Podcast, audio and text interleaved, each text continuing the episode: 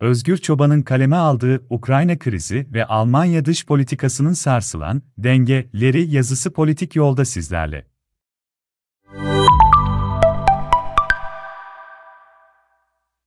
Ukrayna krizinin başlamasıyla birlikte Almanya hükümetinin sergilediği çekimser tavırların uluslararası zeminde epeyce prestij kaybına neden olduğu görülüyor.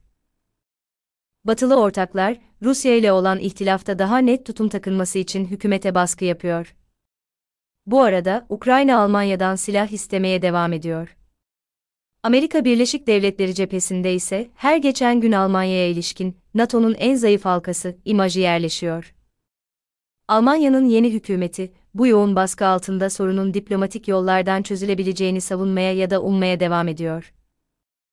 Bununla birlikte Ukrayna'da sınıra yığılan Rus birlikleri nedeniyle insanlar arasında panik ve kaygı yükselirken, hükümetten sürekli olarak panik yapılacak bir durum olmadığını vurgulayan açıklamalar geliyor. Öte yandan, Rus birliklerinin işgale başlaması durumunda Ukrayna'dan gelecek bir mülteci dalgasına ilişkin promeksiyonlar Avrupa Birliği, AB ülkelerinde tartışılıyor.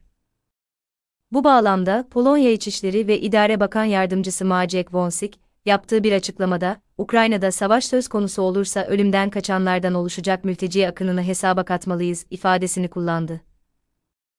Wonsik, işgal durumunda iki ülke arasındaki sınıra 1 milyon kadar Ukraynalı mültecinin akın etmesini beklediklerini söyledi. Polonya, şimdiden geçişler, tıbbi bakım, konaklama ve yemek konusunda planlar hazırlıyor. Bütün bu gelişmelerin yanı sıra Amerika Birleşik Devletleri'nde Almanya'ya yönelik tepkilerin giderek büyüdüğünü görüyoruz. Örneğin, Alman Marshall Fonu kıdemli üyesi Jackson Vanes, Almanya güvenilmez bir ortak ve Putin'le nasıl başa çıkılacağı konusunda NATO'nun en zayıf halkası olarak görülüyor, derken, Cumhuriyetçi Senatör James Risch, Almanya'nın NATO'daki pozisyonunun yeniden düşünülmesi çağrısında bulundu. Alman medyasına göre, Amerika Birleşik Devletleri'nde Almanya'ya yönelik eleştiriler o kadar arttı ki, Washington'daki Almanya Büyükelçiliği, birkaç gündür milletvekillerine ve senatörlere Ukrayna'ya Almanya desteği başlıklı broşürler dağıtıyor. Broşürlerde Almanya'nın Ukrayna'ya yıllardır yaptığı yardımlar listeleniyor. Tüm bunların yanı sıra şansölye Olaf Scholz'un pozisyonu açısından da sıkıntılı bir süreç yaşanıyor. Sakin, pasif ve çekingen tavırları, Almanlar tarafından kendisine uygun görülen, gürültüsüz yakıştırmasının yerinde olduğunu gösteriyor. Bu bağlamda, Amerika Birleşik Devletleri'nde yayımlanan New York Times gazetesindeki bir yazıda Schulz için, görünmez şansölye ifadesinin kullanılması epeyce tartışıldı Alman kamuoyunda. Schulz, bu yazının kaleme alındığı saatlerde Ukrayna ve Rusya'yı kapsayan dış ziyaret için ülke dışında bulunuyor. Şansölye, Ukrayna krizinin çözümü için belki de son bir kez diplomatik kanalları zorlayacak. Gelelim 2. Dünya Savaşı sonrasında şekillenen Alman dış politikasının rutinlerine. Nedir bu politik anlayışın sacayakları? Tehditkar ve saldırgan olmayan, dikkatli ve tutarlı davranan bir diplomasi. Bunun bir tarafıyla Almanya'nın tarihiyle diğer tarafıyla da AB içindeki liderlik pozisyonu ile ilgisi var. O nedenle Almanya'nın Ukrayna krizinde çekingen ya da doğru bir tabirle sakin davranması pek de şaşırtıcı değil. Bu bağlamda Alman medyasında şu çolun Ukrayna ve Rusya ziyaretlerine ilişkin olarak başarılı ya da başarısız olması fark etmez. Şansölyemiz tarih yazmak üzere yorumları yer aldı. Doğru. Schulz başarılı olamazsa belki de Avrupa'da başlayacak bir savaş öncesinde diplomatik kanalları son kez zorlayan siyaset adamı olarak tarihe geçecek. Amerika Birleşik Devletleri ve NATO'nun diğer üyelerinin pozisyonunu netleştir, baskısı altına iyice bunalan Almanya'nın, şu bu ziyaretlerinin ardından durumunun netleşeceğini söyleyebiliriz. Her şeyden önce yeni hükümetin, bu krizde nerede duracağına karar vermesi için zaman gerekiyordu. NATO açısından daha çiçeği burnunda bir hükümetten yırtıcı ve cüretkar hareketler beklemek hataydı.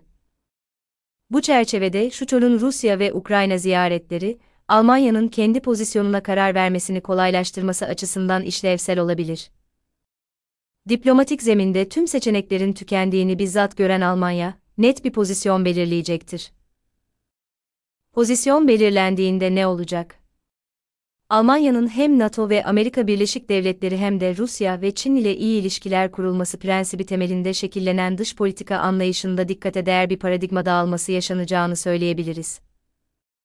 Almanya bu denge politikasını bugüne dek başarıyla uyguladı. Almanya'ya Ukrayna krizinde pasif davranıyor diye sitem edenler açısından söylüyorum. Hangi devlet bir günde bu kadar fonksiyonel ve efektif bir dış politika anlayışını terk edebilir? Şimdi tablo şu, Amerika Birleşik Devletleri ve Rusya, Amerika Birleşik Devletleri ve Çin, Rusya ve Avrupa Birliği arasındaki ilişkiler giderek kötüleşiyor ve Almanya bu üçgenin tam ortasında yer alıyor. Bu nedenle Almanya artık bir taraf seçmek zorunda. Bu denklem içerisinde daha fazla tarafsız kalamaz.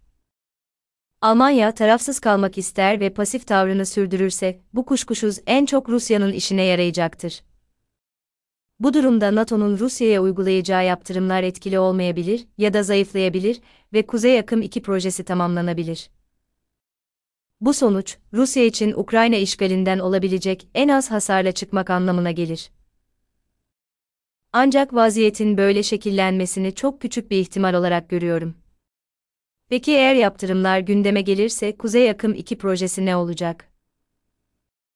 İşte problemin asıl yaşanacağı yer burası. Schulz, Ukrayna krizinin daha başlarında, Kuzey Akım 2 projesinin siyaset dışı bir uygulama olduğunu ifade etmişti. Bu ifade Amerika Birleşik Devletleri'nde epeyce hoşnutsuzluğa neden olmuştu. Bu nedenle Rusya'nın en çok ticaret yaptığı ülkelerden biri olan Almanya, bu kriz sürecinde yer alan diğer ülkelere göre daha ağır bir faturayla karşı karşıya kalabilir. Schulz, Rusya ve Ukrayna ziyaretlerinden hangi sonuçlarla dönerse dönsün, temkinli Alman diplomasisi zaman kazanmaya çalışarak, geleneksel dış politik diskura uygun bir tavır belirlemek isteyecektir.